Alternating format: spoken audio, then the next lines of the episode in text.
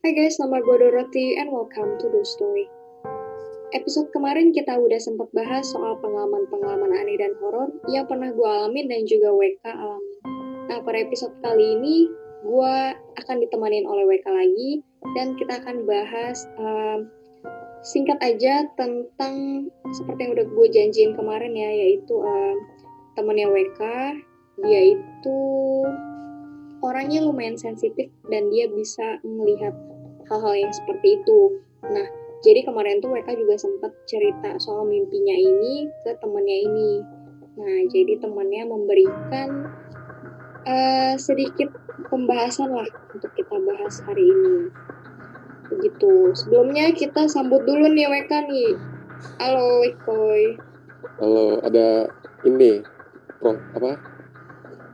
Apa sih? Aduh, ntar lu cut aja gua gua belibet. Halo. Halo. kita kita hari ini recordnya ini ya pakai aplikasi meeting ya. Betul, pakai Zoom kita. Karena anchornya uh, ini Sedang ya, ini agak berat. Iya dari kemarin ya. Karena jadi Iya sinyal gua berasa gembel kalau pakai gitu. ada By the way ini by the way ini kan kita pakai Zoom ya Dor ya. Jadi gue bisa pindah lokasi di mana aja dan hari ini gue lagi di Jepang Dor Halo WK yang lagi ada di Jepang. dengan background bunga sakura. Yang blur banget ya kan. Maaf kamera laptop jelek. Oke, pendengar kita kan nggak li nggak deng nggak lihat kita ya. Ini suara Ya, kita mereka lihat. tetap enak didengar. Amin. Ya gitu deh. Sebenarnya gue udah nyiapin materi buat episode selanjutnya, gengs, tentang true, eh, true crime story. Jadi habis ini mungkin next episode atau dua episode ke depan gue akan kembali bahas true crime. Tapi eh, karena minggu-minggu ini kita lagi hotnya bahas-bahas horor nih gitu kan ya nggak gue karena bintang tamu gue ini aduh Betul, betul. kehidupannya penuh dengan kisah misteri. Iya, terus nggak tahu kenapa kalau pas cerita horor feedbacknya Lumayan ya. banget. Banyak yang Iya, kirim bener. Bo. Iya di podcast Wijen juga gitu kan. Jadi Betul. mena- menanjak sekali karena orang-orang ini Iya. lebih seneng ditakut-takutin Tapi kita yang ceritainnya capek sih. iya masalahnya juga Enggak, malam-malam ngeditnya itu loh. Lu lu udah ceritain ceritanya, terus lu edit lagi malam-malam. iya denger lagi ulang-ulang ya kan Ya, itu pas kemarin gua di Wijen ngupload apartemen, itu kan baru kelar setengah 12 malam. Mm-mm. terus nunggu upload setengah jam.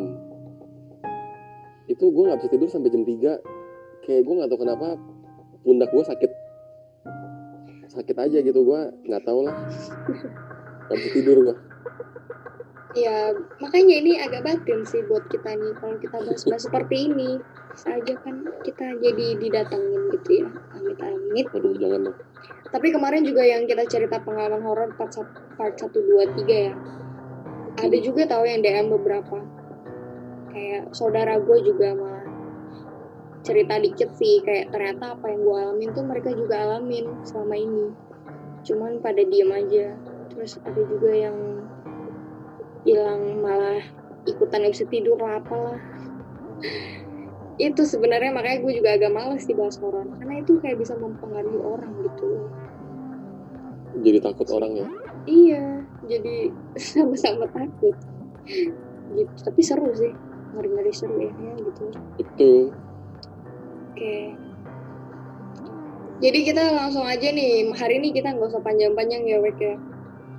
Biar ya kita, banyak aja udah Oh, betul. Nah, teman-teman kemarin kalau kalian udah denger itu episode 3 yang pengalaman dan mimpi horor. Partnya yang kedua di situ kan WK ada share tuh tentang cerita dia. Dia pernah beberapa kali mimpi terus mimpinya ternyata jadi kenyataan. Dan mimpinya itu tentang peristiwa yang lumayan besar yang pernah terjadi ya. Mm-mm. menyangkut banyak orang gitu. Tuh. pertanyaan gue kemarin ke WK itu adalah kok bisa sih seseorang itu kayak kita mimpi terus jadi kenyataan. Kayak apakah kita tuh the chosen one gitu loh. Sampai kayak punya six sense gitu ya nggak sih? Lu ngerasa gak sih Wek kayak mungkin the chosen one. Nih gue punya gift gitu anjay. Gue bisa tapi gue bingung sih. Maksudnya misalkan nih kan ada kejadian besar terus kita mimpiin ya. Mm. ada nggak sih orang di luar sana yang mimpi juga tapi mimpinya itu bisa sama atau bisa beda gitu tapi ke- dia mimpi kejadian yang sama gitu. Oh iya bener juga sih. Gue baru kepikir mungkin Nah, ya. kalau sampai kalau sampai ada yang tiba-tiba DM gue nih eh gue mimpi hal yang sama juga anjir sih. Wah itu sih. Itu itu itu pecah sih. Itu mind blowing banget sih. Gue aja ketemu gue tanya-tanya aja kita aja kalau ketemu orang yang mirip sama kita aja kadang udah mikir gak sih? Yang kan yang kayak Iya. katanya ada berapa orang yang Doppelganger mirip ya? sama kita. Ada iya. ada tujuh katanya. Dan di Jakarta gue udah ketemu tiga eh ketemu dua. Sama gue tiga. Apaan sih lo enggak ada temen gue anak wamen gue dua-duanya. Pernah bilang bukan gue ya. Nggak pernah bilang. Terus kalau kita bertiga ketemu iya rame. Gitu. Nah oh ya balik lagi nih. Kan kemarin pertanyaan itu gue nanya ke WK and then WK sebenarnya juga udah confirm ke temen lu yang katanya punya kepekaan gitu ya WK yes. Dia nggak mendek nggak mendeklar diri dia itu eh, indigo tapi memang orangnya punya kepekaan lebih lah daripada kita. Manusia biasa yang jelatainya Nyuh. terus terus nih apa apa kata dia apa pendapat dia jadi gue tuh sebenarnya minta eh, kan namanya Andre Andre oke Nah, si Andre ini kemarin juga sempat cerita di tempat gue ya tentang apa sih toko toko kompak oh iya Nah, toko jadi- kompak. Iya, gue minta eh Dre, ini dong voice note ke atau ikut call gitu. Tapi dia bilang, ah enggak lah gue ketik aja. Nah terus dia ketik, dia kirimin nih.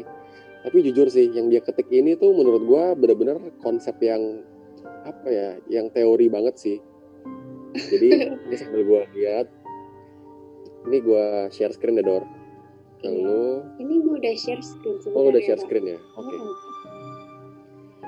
jadi Nah, dia nggak bersedia nih buat ngobrol langsung Hmm. ditanya-tanya gitu tadi belum belum tapi Sun Sun pasti gua akan ajak dia terus lah Sun dia akan isi dia tuh punya banyak banget cerita sih tentang yang kayak gini-gini. Lebih asik gitu kan kalau kita ngomong langsung aduh. Kan orangnya suka takut kali di depan mic ya. Jadi dia akhirnya dia dia ketik nih di Instagram. Terus ini gua udah kirim kan. Lo mau bacain? Bacain aja Dor. Oke boleh. Gue aja nih bacain nih. Oke. Sebenarnya nih kalau menurut gue mau WK sih bahasannya agak kita agak kurang mengerti ya kayaknya agak deep.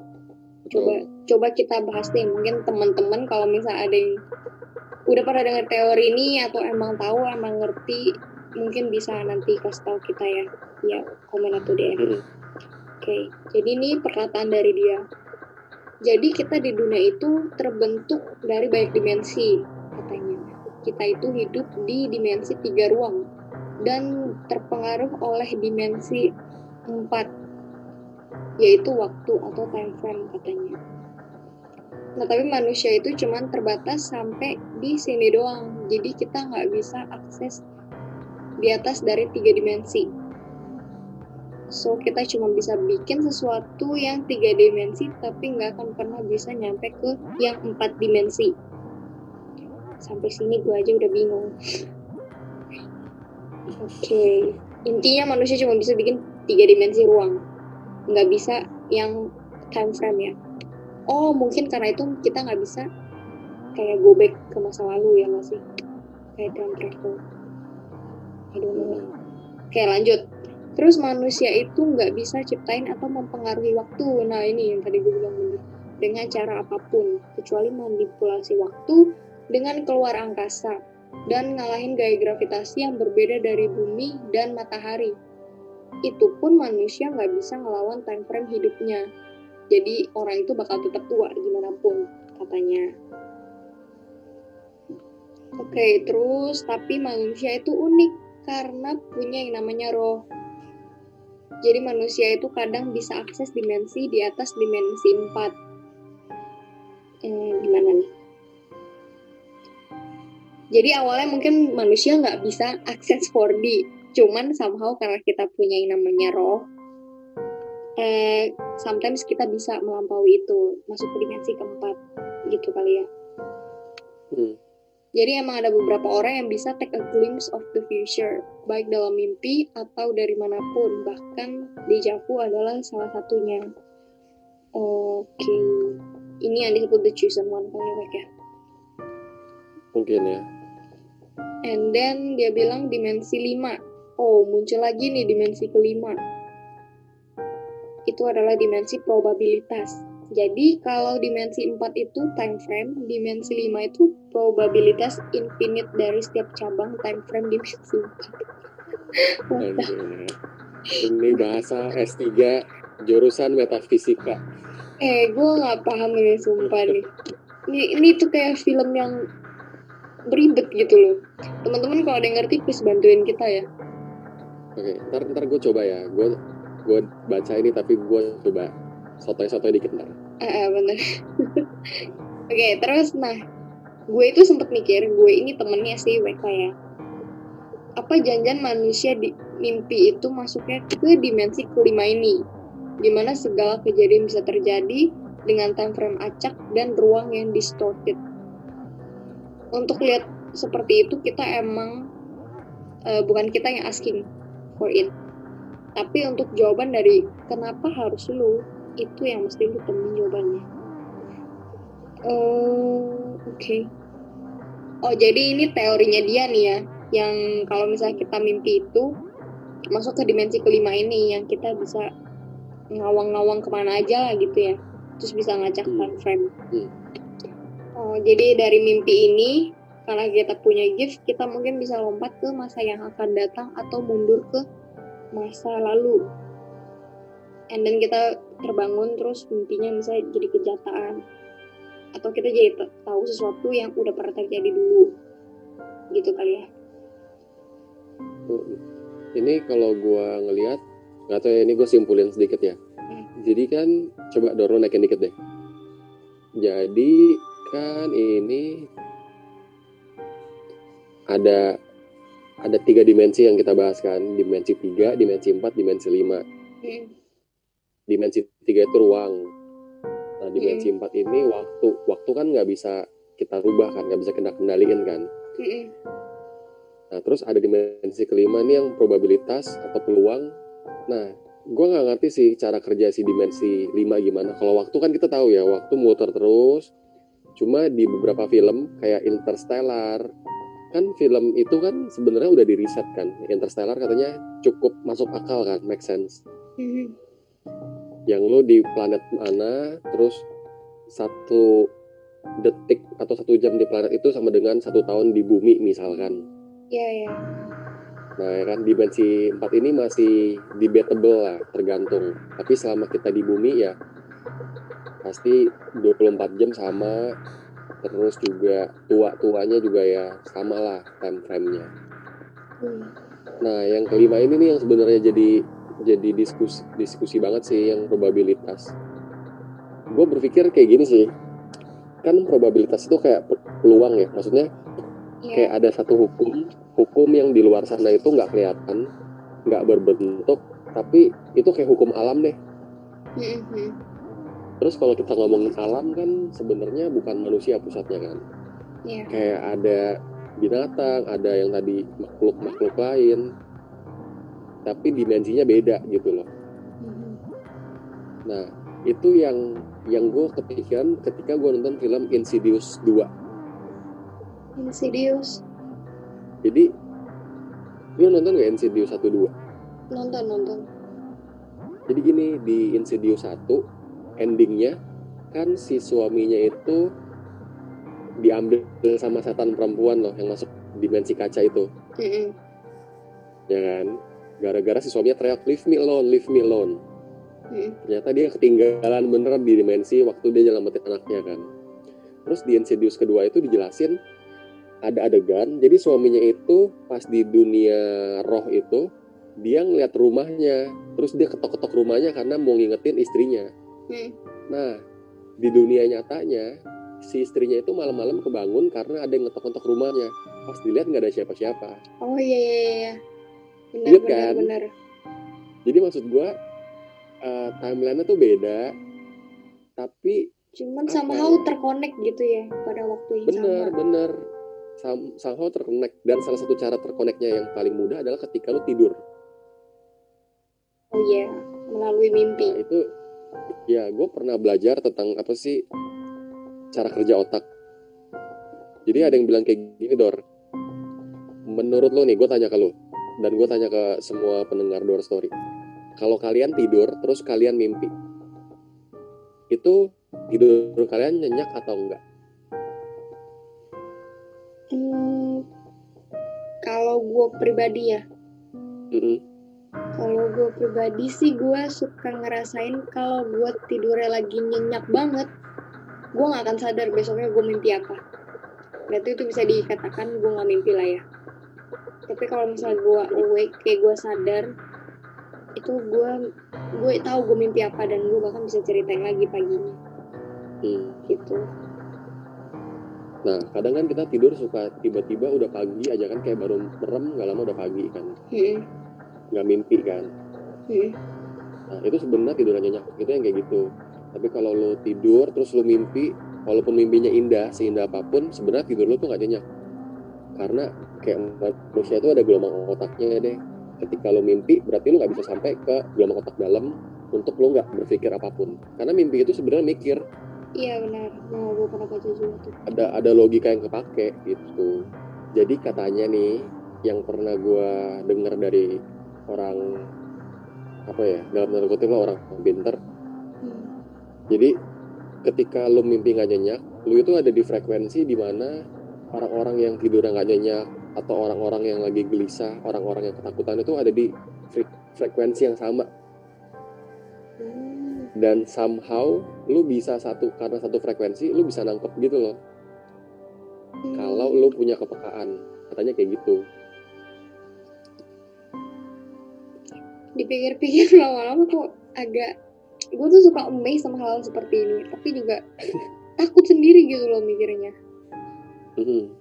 gimana ya iya kan oke eh Jadi gitu sih yang gua nangkep dari si nomor 5 ya probabilitas. Kenapa bisa mimpi kayak gitu? apakah itu juga termasuk dengan kayak misalnya kita mimpi di dalam mimpi Kayak Inception dong. iya benar-benar Inception iya kan mimpi dalam mimpi. tapi kayak pernah gak sih lu mimpi dalam mimpi juga Dulu banget pernah. Gue mimpi kebangun terus gue bangun ada di mimpi lagi. kesel Tapi Iya dulu kan? banget sih itu. Dulu banget itu. Iya kalau kayak gitu itu gimana ya? Mimpi di dalam mimpi keren sih. Bahkan kalau yang kalau tadi bahas film si Inception itu juga kan gila banget tuh main blowing banget gue kalau nonton itu sih wah gila sih. Kayak lu dia bisa arsiteknya bikin lu orang tidur. Terus di saat kita tidur dia bisa suggest kita buat ngelakuin hal-hal yang bukan bukan pribadi kita ya nggak sih? Gue lupa sih detail si Inception gimana tapi setahu gue di mimpi itu dia buat ngelakuin misi kan maksudnya kayak buat Mm-mm, buat nguri ya keren. Iya kan, buat itu dan ada ada ini gak sih scene yang lu masuk mimpi lebih dalam lagi, masuk mimpi yang lebih dalam lagi. Gitu. iya pokoknya gue seinget gue gue juga lumayan lupa karena udah lama banget. Kayak di yang pokoknya mission terakhir dia ya dia malah ngelakuin sesuatu yang makin susah. Yang tingkat susahnya tuh harus masuk berapa level gitu. Dan untuk ngebangunnya bangunin sadar kembali juga lu bayangin lu harus misal 7 level tuh harus bangun tujuh kali gitu. Wah. Eh di situ cara banguninnya dengan bunuh diri ya, maksudnya dengan mati ya. iya dia harus mati. Anjir. Nih gue ada ada pertanyaan nyeleneh nih, misalkan eh ini buat teman-teman Door Story mungkin bisa coba jawab juga kali ya. Misalkan nih, Oke. someday ada orang yang nyamperin lo terus bilang, eh, lo itu lagi mimpi, lo bangun gih dengan cara lo harus bunuh diri. Ini lo ada dalam dunia mimpi. Oke. Terus kita harus Pertanyaannya percaya berat. gitu. Lo pertanyaannya lo berani nggak ngelakuin itu? Oke, kita kasih waktu buat yang lain mikir dulu ya. 10 detik, Mm-mm. 10 detik kali ya. 10, 9, 8, 7, 4, 3, 1. Oke. Kalau gua, gua jawab eh, susah sih ya sebenarnya nih kan antara gue percaya ini lagi mimpi apa enggak Hmm. kalau ternyata ini nggak mimpi terus gue bunuh diri kan tuh tapi kalau gue kalau gue lagi mimpi gue nggak bangun bangun dong Eh, mungkin gue akan bunuh diri. Karena kan kalau lu tusuk juga lu pasti oh anjir sakit beneran nih berarti gue lagi mimpi. Ya berarti lo nusuknya pelan-pelan dong, kagak langsung bunuh diri itu namanya lo cutter kebeset gitu. menyakiti diri dulu ngetes. Tapi gue nggak kebayang sih kalau lu tiba-tiba berada di posisi itu lu lagi ngapain. Terus tiba-tiba ada orang yang bilang lu lagi mimpi. Terus kita bangun and then kita belum bangun. Kayak hmm, oke whatever. Seperti itu. Lumayan Iya karena iya karena dulu gue pernah mimpi sekali. Di mimpi itu gue harus nyelamatin orang. Tapi orang orangnya itu diculik sama orang nih. Terus orangnya tuh lompat ke jurang gue ke dalam air terjun. Oke. Terus, terus logika gue jalan di mimpi itu. Anjir kalau gue lompat gue mati gue tapi itu sih tetap lompat. And then lu gue lompat. Gue lompat terus pas sepersekian detik sebelum gue jatuh ke air terjun itu gue jatuh ke lantai di kamar gue tapi gue tahan pakai tangan gitu loh jadi kayak yang dimimpi sama yang kejadian tuh kayak beneran gitu. Iya iya kayak biasa kita mimpi kaget juga tuh beneran kaget ya. Iya sih. Iya.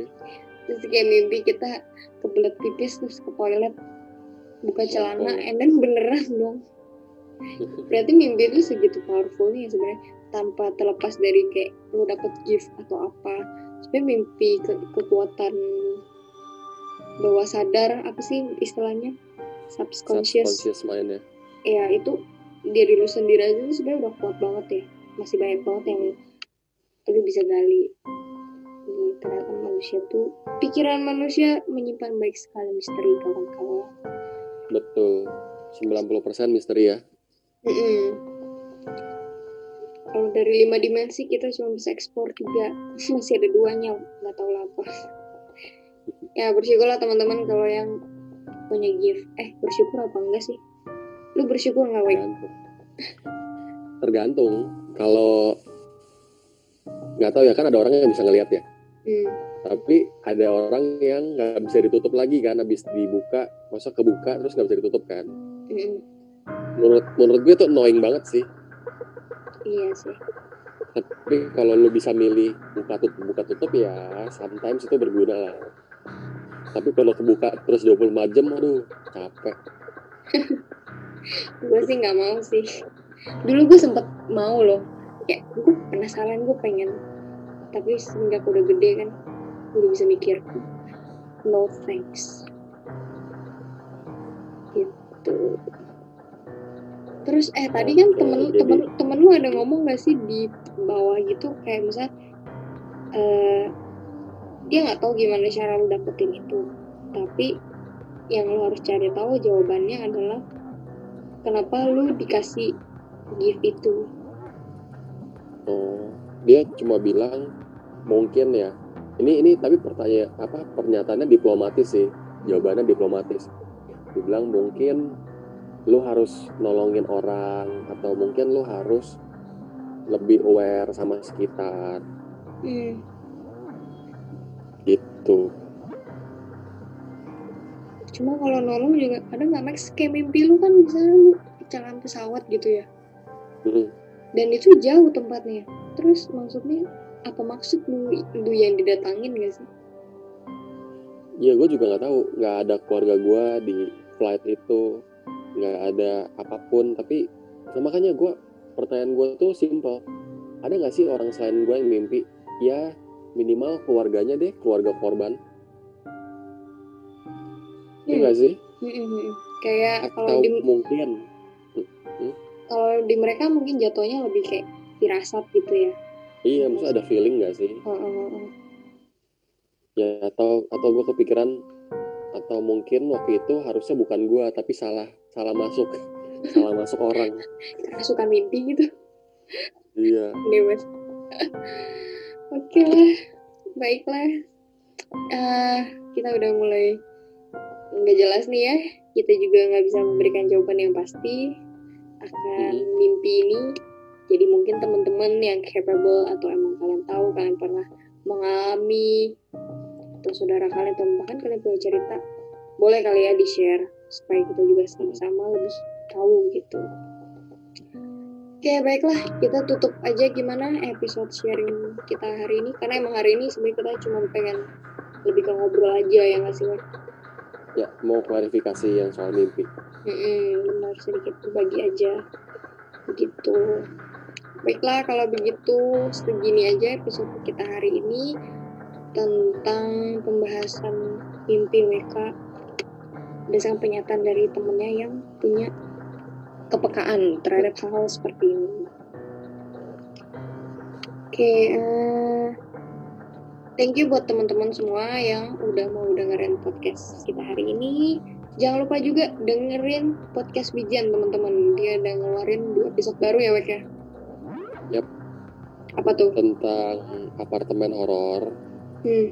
jadi satu apartemen horor yang kedua tentang kisah toko legendaris di daerah Pasar Baru yaitu toko kompak yang sudah berdiri dari tahun 1800 Gila anjir. Nih, gue udah dengerin dua-duanya nih ceritanya di, dari Wijen. Menurut gue yang apartemen sih gila. Kalian kalau nggak kuat, gue aja dengernya pagi-pagi cuy. Lumayan, itu itu serem sih, parah. Kalian harus dengerin. Sama yang toko kompak juga. Dan ada ada kayak kuisnya gitu ya, Wek ya? Apa? Nemuin something di... Enggak, itu itu bukan kuis sih kalau anda lihat hantu di foto bu- bukan kuis ya Jadi- anjir? Di mana? Di mana? Tebak-tebakan. jadi yang toko kompak itu kan ini cerita dari si Andre yang tadi punya kepekaan kan Nah, Oh, dia foto ya? di situ bener dia foto di situ terus di kelihatan tuh ada balkon lantai dua terus apa ya dia bilang pokoknya di balkon itu ada tapi dia nggak mau tunjuk di mana Hmm. sampai akhirnya gue kasih lihat ini gue nemu satu yang ini bener nggak terus ya itu dia bilang itu salah satunya. Jadi gue upload juga tuh di IG podcast Wijen buat temen-temen. Tapi nggak tahu ya banyak yang bilang nggak bisa ngelihat terus gue bilang lu naikin